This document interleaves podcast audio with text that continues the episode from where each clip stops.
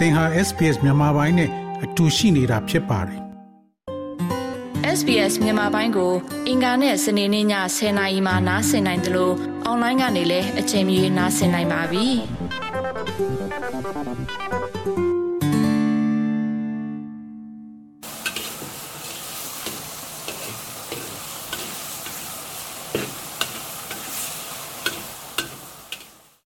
နှွေဦးတော်လိုင်းရင်ဤတမ်းမှာသူရဲကောင်းလို့တင်စားခဲ့ကြတဲ့တဲ့က CDM တူရဲ့ချက်ပြုတ်ကြော်လော်နေတဲ့တမ်းမှာ2021ဖေဖော်ဝါရီကစခဲ့တဲ့ CDM လန်ခီမှာရေရှည်လျှောက်လန်းမှုအရေးသူတို့တွေအလုတ်ရွေးလို့မရခဲ့ပါဘူးအထောက်အပံ့တွေနဲ့ပါနေခြင်းစာဝတ်နေရေးပြဿနာကစလို့လိုအပ်နေတဲ့ပြည်သူတွေကိုကူညီနိုင်ဖို့အရေးမှာ တောင်ရလုပ်ငန်းမွေးမြူရေးချမ်းစောက်လုပ်ရေးလုပ်ငန်းခွင်အပါအဝင် အခုလို ချက်ပြုတ်ကြော်လွှာရတဲ့ လုပ်ငန်းခွင်အသီးသီးတွေလုပ်ကိုင်ခဲ့ရပါတယ်။ကမ္ဘာငြိမ်းချမ်းရေးစုအတွက် အဆိုပြုခံထားရတဲ့အထိ ရောက်ရှိခဲ့တဲ့ မြန်မာ CDM လှုပ်ရှားမှုမှာ ပါဝင်ခဲ့တဲ့ ဝန်ထမ်းတွေဟာရက်တီချက်နဲ့ ခံယူချက်အတွက်ကြောင့်ပဲ ရင်ဆိုင်လာရတဲ့ အခက်အခဲမှန်သမျှကို မမော်တန်ရင်ဆိုင်နေကြရတာပါ အဲ့ဒီထဲမှာပဲခူးတိုင်းဒေသကြီးအတွင်းကအလဲတန်းပြဆရာမတအုပ်ဖြစ်တဲ့အသက်40ကျော်အရွယ်မှတ်မတီချိုလဲအပါအဝင်ပါစစ်ကောင်စီက CDM တွေကိုအရေးယူဖမ်းဆီးမှုတွေကြောင့်ပြည်တွင်းမှာမနေနိုင်တော့ဘဲထိုင်းမြန်မာနယ်စပ်မှာလာရောက်နေထိုင်ရင်ဘဝရက်တည်ရေးအတွက်ကြုံရကြပန်းအလုပ်ကိုလုပ်ကိုင်းနေရပါတယ်။အော်မနေ့၈နာရီကနေည10နာရီထိလုပ်တဲ့ဟာကို3000နဲ့မှ200ပဲရတယ်လာစား အဲ့မှာအလောက်ကဆက်မလုပ်ဖြစ်တော့ဘူးပေါ့နော်အာပါလာတဲ့ပစ္စည်းလေးတွေရောင်းချသုံးရင်းနဲ့ပေါ့အိမ်လာစားပေးကနီးဆိုရင်ကိုယ့်အိမ်ကိုကိုလွမ်းတယ်အဲ့ဒီဟာအခုချိန်ထိအသားမကြဘူးကိုယ့်ရဲ့ခံယူချက်နဲ့မှုလို့လားတော့မသိဘူးပေါ့ဘသူမေးမေးအစင်မပြေဘူးဆိုတဲ့စကားတစ်ခါမှမပြောဘူးပေးအစင်မပြေရင်ပြောလို့ပြောလာတဲ့လူတွေဆိုလို့ရှိရင်ပြေတယ်မပြေဘူးဆိုတာသူတို့သိမှာပဲလीနော်အာပေးချင်ပေးအဲအစင်မပြေဘူးပြောမှပေးမဲ့ပတ်စံအမမလို့ခြင်း ဒါမဲ့ဟိုပင်မန်းတာတော့ပင်မန်းတာပေါ့တခါတလေဆိုလို့ရှိရင်အလုံးနဲ့လူနဲ့မမျှတဲ့အခါမျိုးအသက်အရွယ်ရအောင်ပေါ့နော်မမျှတဲ့အခါမျိုးပင်မန်းတယ်လို့ဆိုလို့ရှိရင်လည်းဟိုညီးလို့မရဘူးလေညီးရင်သူများအားရမှာပေါ့အဲဒါအမအတွေ့ပေါ့နော်ညီးပိုင်ခွင့်မရှိဘူးတန်မောင်ကတော့ပူပြီးပြောင်းလဲလိုက်ရတယ်အမကငကူလေးကလည်းတန်ပါတယ်ကိုမှန်လို့ရွေးလာတဲ့လမ်းလေတကယ်လဲမှန်တယ်လေမိသားစု background တွေကြားထဲမှာ ဒါကြောင့်ပြူလဲသွားတယ်ဆိုတဲ့အဖြစ်ကိုမခံနိုင်ဘူးဆီယာမမက်ဒီဂျိုဟာလုပ်ငန်းခွင်အမျိုးမျိုးကိုပြောင်းလဲလုပ်ကိုင်ရပြီးလက်ရှိမှာတော့ထိုင်းတထေးတူးစီမှာအထက်ကျုပ်တဲ့လုပ်ငန်းကိုလုပ်ကိုင်နေရပါတယ်ဒီလုပ်ငန်းကနေရရှိတဲ့ပြမ်းမြဝင်ငွေထိုင်းဘတ်1500ကမိသားစုနဲ့ချီရွှေ့ပြောင်းရတဲ့သူတို့မိသားစုအတွက်မလုံလောက်နိုင်ပါဘူး။ ဒါကြောင့်ပဲရှင်သန်ရက်တည်နိုင်ရေးအတွက်အထက်ကျုပ်လုပ်ငန်းအပြင်ပစ္စည်းပို့တာတွေနဲ့စာတင်တဲ့အလုပ်ကိုပါတပြိုင်နက်တည်းလှုပ်ဆောင်နေရပါတယ်။ဒီလိုအခြေအနေတွေကိုဆီယာမမရီချိုတူတဲ့ကြုံတွေ့ရတာမျိုးမဟုတ်ပဲ CDM လောက်ခဲ့ကြတဲ့ဝန်ထမ်းတိုင်းလိုဟာနှစ်ရှည်လများလောက်ကင်ခဲ့ရတဲ့လုပ်ငန်းခွင်ကိုစွန့်ခွာပြီးကြုံရကြပန်းလောက်ကင်နေကြရတာပါအာနာသိန်းရက်ဆွဲတွေကြာလာတာနဲ့အတူစီးပွားရေးမချောင်လည်မှုနဲ့နိုင်ငံရေးအကျက်တဲကာလကြာမှာ တာဝန်ရှိသူတွေအနေနဲ့လည်း CDM တွေကိုထောက်ပံ့ပေးနိုင်မှုကလျော့နည်းသွားခဲ့ပါတယ်။အဆုံးထိလျှောက်လန်းဖို့စိတ်သက်တင်းခံထားနိုင်သူတွေကပဲကိုတူးကိုချွန်ပြီးခစ်ဆိုးကိုထံပိုးရင်ဘဝကိုဖျက်ဆီးနေကြရပါတယ်။ရဲဝေနိုင်ငံဒီ CDM လှုပ်ရှားမှုမှာအစောဆုံးပါဝင်ခဲ့တဲ့ကိုလီယိုကအုပ်ချုပ်မှုစီမံကန့်ကွက်မှုအင်မတန်မှဝန်ထမ်းကျင်တယ်လို့ကျွန်တော်သုံးသပ်မိတယ်။ဘာလို့လဲဆိုတော့သူတို့အသက်ခံပြီးရင်ပြီးပြီဆိုတဲ့သဘောမျိုးမဖြစ်နေတယ်။ အမှန်ဆိုလို့ရှိရင် CDM ရုပ်ဝန်အကုန်လုံး မိသားစုလိုမျိုးလေးတူတူနဲ့ တယောက်တယောက်ပြပြမှနဲ့ ကြည်ကြည်ဆက်ဆံနေရမယ်အချိန်ပေါ့အဲ့လိုမျိုးတွေ မဟုတ်ဘူးကြာကျွန်တော် အရင်ဆေးဟောက်မှနေတော့ဆိုရင် ကျွန်တော်တို့ဆေးဟောက်အိမ်ပေါ်မောင်းချခံတယ်ဒီငွေမျက်နှာကြောက်ဝင်တယ် ကျွန်တော်တို့မှပြီးလာတာ အဲ့တော့လည်း ကျွန်တော် ဒီဘက်ကအများရအောင် ရှာရှာပြီးတော့ ကိုမိသားစုကို ကိုယ့်ကိုပူပူလောလောနေနိုင်အောင်ကျွန်တော် ကြိုးစားရတာဒီအငကြီးအနေနဲ့လည်း ဒီလာဒီဘက်ချွေးပြောင်းလာတဲ့ လူတွေဒီသတ်ပတ်ကြီးလေးတစ်ဆန်းတစ်ဆောင်လေးနဲ့ နှစ်တိတ်ပြီးတော့ မဖြစ်စေချင်ဘူးကြာ အကုန်လုံးလေးမိသားစုလိုလေးနည်းနည်းတွတွလေးနဲ့အဲ့လိုမျိုးရှိရင်ကြာအကုန်လုံးဒီလိုမျိုးပြန့်ကျယ်စရာမရှိတော့ဘူးပေါ့နော်ကျွန်တော်မြင်ပြီးကျွန်တော်မြင်မိတာတရားတရားဘာလို့လို့ဘာကန်စားမှမသိဒုက္ခတွေရောက်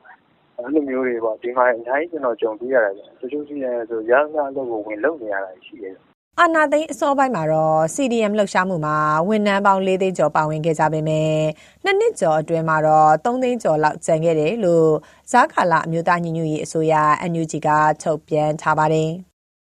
ပြည်ပဘက်ကို ထွက်ပြေးတိမ်းရှောင်နေရသူတွေအတွက်ရက်တီရေး ခက်ခဲနေကြသလို ပြည်ရင်းက CDM တွေဟာလည်း စစ်ကောင်စီရဲ့ အတင်းအကျပ် ဖိအားပေးမှုတွေနဲ့ အလုတ်ပြန်လဲဝင်ရောက်ဖို့ တိုက်တွန်းမှုတွေကို ရင်ဆိုင်နေရတာပါ နေ့တူဝရင်ဆိုင်ဖြတ်တန်းရမယ်စဝိနေရေးနဲ့လုံခြုံရေးအခက်အခဲတွေကြောင့်သာ CDM တွေဟာရွေးချယ်စရာမရှိဘဲနန်း CDM ဖြစ်သွားရတာဖြစ်တယ်လို့နိုင်ငံရေးတက်ကြွလှုပ်ရှားသူတွေကသုံးသပ်ကြပါတယ်။ NUG အနေနဲ့တော့လက်ရှိမှာဝန်ထမ်းတယောက်စီတိုင်းအတွက်ထောက်ပံ့မှုတွေမပေးနိုင်သေးပေမဲ့အာနာသိန်းစာကစပြီး CDM ဝန်ထမ်းတွေမထုတ်ယူထားတဲ့လောက်ခလာစာငွေတွေကို တော်လန်ရေးအလွန်ကာလမှာတလုံးတခဲတည်းပြန်လည်ပေးအပ်သွားမယ်လို့ဖေဖော်ဝါရီတရက်မှာပြောဆိုထားပါတယ်။နိုင်ငံရေးတက်ကြွလှုပ်ရှားသူတူဖြစ်တဲ့ကိုပီတာကတော့လက်ရှိအာဏာသိမ်းကာလအတွင်းမှာလဲ CDM တွေရဲ့ရက်တီရေးအတွက်တာဝန်ရှိသူတွေအနေနဲ့ဆောင်ရွက်ပေးတဲ့နယ်လို့သူ့ယူဆချက်ကိုဆိုပါတယ်။လုံးလုံးမထောက်ပံ့တာမဟုတ်ပေမဲ့သူတို့ထောက်ပံ့နိုင်တဲ့အတိုင်းအတာနဲ့ထောက်ပံ့နေသလောက်ကတော့ဟိုလုံလောက်မှုတော့မရှိဘူးပေါ့။ CDM တွေက တချို့ဆိုလို့ရှိရင် ဒီဝန်ထမ်းအလုပ်ပဲ လုပ်တတ်တယ် တခြားအလုပ် မလုပ်တတ်တဲ့သူတွေ ရှိတယ်ပေါ့ အဲ့လိုလူတွေအတွက်က အများကြီးခက်ခဲရှိတယ် အရင်ကထက်ဆိုင် ပိုတော့မှ CDM အနေနဲ့ ခက်ခဲလာတယ်လို့ မြင်ပါတယ်။ပြဿနာက ပြည်သူတွေကိုယ်တိုင်မှာလည်း အခက်အခဲတွေ ရှိတယ်။နောက်ပြီးတော့ အဖွဲ့အစည်းကိုယ်တိုင်ကလည်း အခက်အခဲတွေ မျိုးစုံနဲ့ ရင်ဆိုင်နေရတဲ့အခါမှာတော့ တချို့ကိစ္စလေးတွေမှာ CDM ကဏ္ဍက ဦးစားပေးကဏ္ဍအနေနဲ့ မဖြစ်လာတာမျိုးတော့ ရှိနိုင်တာပေါ့။ကြားကာလအစိုးရအနေနဲ့သော်လည်းကောင်း၊ဒါမှမဟုတ် တခြား NGO INGO တွေအနေနဲ့ကသူတို့အတွက်စားဝတ်နေရေးရပ်တည်ဖို့အတွက်ကိုအလုပ်အကိုင်အခွင့်အလမ်းဖန်တီးပေးတာတို့နောက်ပြီးတော့အသက်မွေးပညာသင်ပေးတာတို့ဒါမျိုးလေးတွေကိုလုပ်ပေးသင့်တယ်လို့ထင်ပါတယ်။စစ်ကောင်စီရဲ့လက်အောက်မှာတာဝန်ထမ်းဆောင်တဲ့နန်း CDM တွေကိုအမိပြက်စည်ရင်သွင်းလိုက်တယ်လို့ NUG ကပြီးခဲ့တဲ့ဧပြီလမှာထုတ်ပြန်ထားပါတယ်။ဒါအပြင်တော်လန်ရေးအလွန်ကာလရောက်ရင်လည်းအရေးယူပြစ်ဒဏ်တွေချမှတ်သွားမယ်လို့ဆိုထားပါတယ်။ စစ်ကောင်စီရဲ့လုံခြုံရေးဖိအားပေးမှုစာဝတ်နေရေးခက်ခဲမှုနဲ့တစ်ဖက်မှာလုံလောက်တဲ့ထောက်ပံ့မှုမပေးနိုင်တဲ့အပေါ်ဒီလိုထုတ်ပြန်ချက်ဟာလည်းပြည်သူတွေကြားဝေဖန်မှုတွေမြင့်တက်ခဲ့ပါတယ်။နိုင်ငံတကာအနေနဲ့လည်းအန်ယူဂျီကိုတရားဝင်အစိုးရအဖြစ်မသတ်မှတ်တဲ့အတွက်လူသားချင်းစာနာမှုအကူအညီထက်ရရရှိရေးဟာအခက်အခဲတွေဖြစ်နေတာပါ။ NUG ပြောရေးဆိုခွင့်ရှိသူ ဦးကျော်စောကတော့ CDM တွေ ရေရှည်ရပ်တည်နိုင်ရေးအတွက်လှုပ်ဆောင်နေတယ်လို့ ပြောပါတယ်ဒီ CDM ဝန်ထမ်းတွေအတွက် အတက်နိုင်ဆုံး စားဝတ်နေပြဿနာတွေတစ်ဖက်တစ်လမ်းကနေပြီးတော့ဒီကုညီဆောင်ရွက်ပေးနေတယ်။တပ်မုံဝင်ကြောင်းအတွက်ကိုအာတင်တန်းတွေပို့ချပေးတဲ့အပိုင်းတွေရှိတယ် small business လေးတွေလုပ်ဖို့အတွက်ကိုလည်းဟိုလေထောက်ပံ့ပေးကူညီပေးတဲ့ pilot project ပေါ့နော် အဲ့ဒါမျိုးလေးတွေလုပ်နေတာလည်းရှိပါတယ် အားလုံးဒီသူ3သိန်း4သိန်းဟိုတော့ကျွန်တော်တို့မှာအားလုံးတော့ထောက်ပံ့နိုင်တဲ့အနေထားအာအခက်အခဲတွေကြားထဲကအားလုံးအတွက်တော့ပြည့်စုံအောင်တော့မလုပ်နိုင်သေးဘူးဆိုတော့တော့ပြောကြားခြင်းပါတယ်အတက်နိုင်ဆုံးတဲ့ဒီ CDM ဝန်ထမ်းတွေအပါအဝင်တော်လှန်ရေးရဲဘော်ရဲဘက်တွေအားလုံးတိုင်းရင်းသားပြည်သူတွေအားလုံးတူတူရုန်းကန်ကြခြင်းအပြင်တူတူတိုက်ပွဲဝင်ကြခြင်းအပြင်စစ်အာဏာရှင်စနစ်ဆိုအမြန်ဆုံးပပျောက်အောင်လုပ်နိုင်ပြီးတော့အားလုံးသူက ကိုပျော်ပျော်ရွှင်ရွှင်နဲ့ငြင်းချမ်းသာယာဝပြောတဲ့ Federal Democracy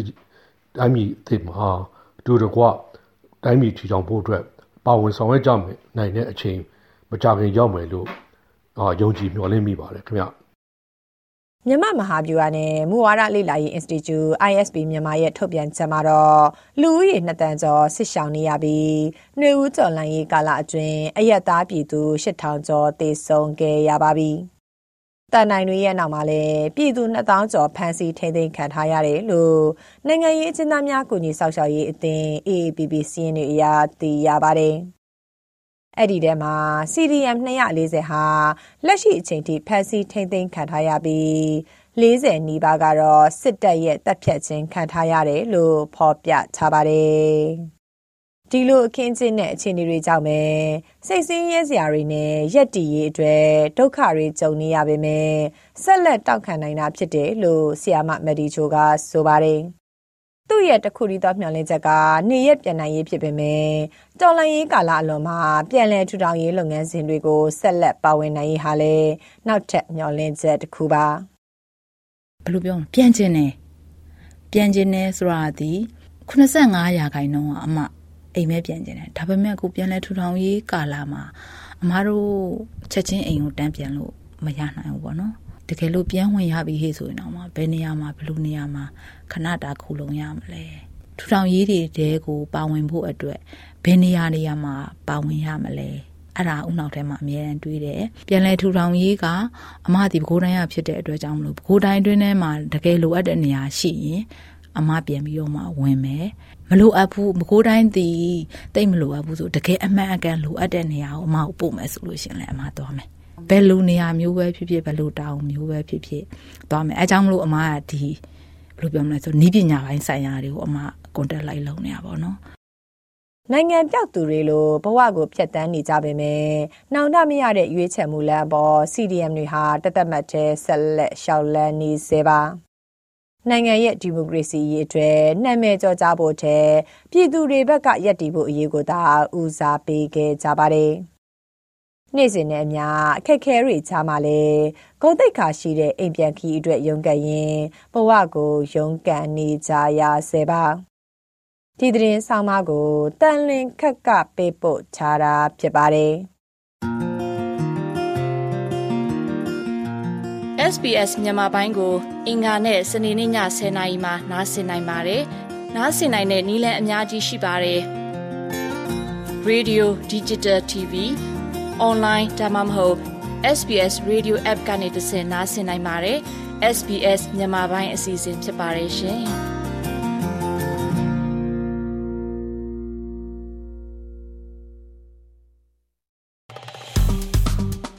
SPS မြန်မာပိုင်းကို Facebook ပေါ်မှာ like ရှာပြီး like မျှဝေမှတ်ချက်ပေးပါ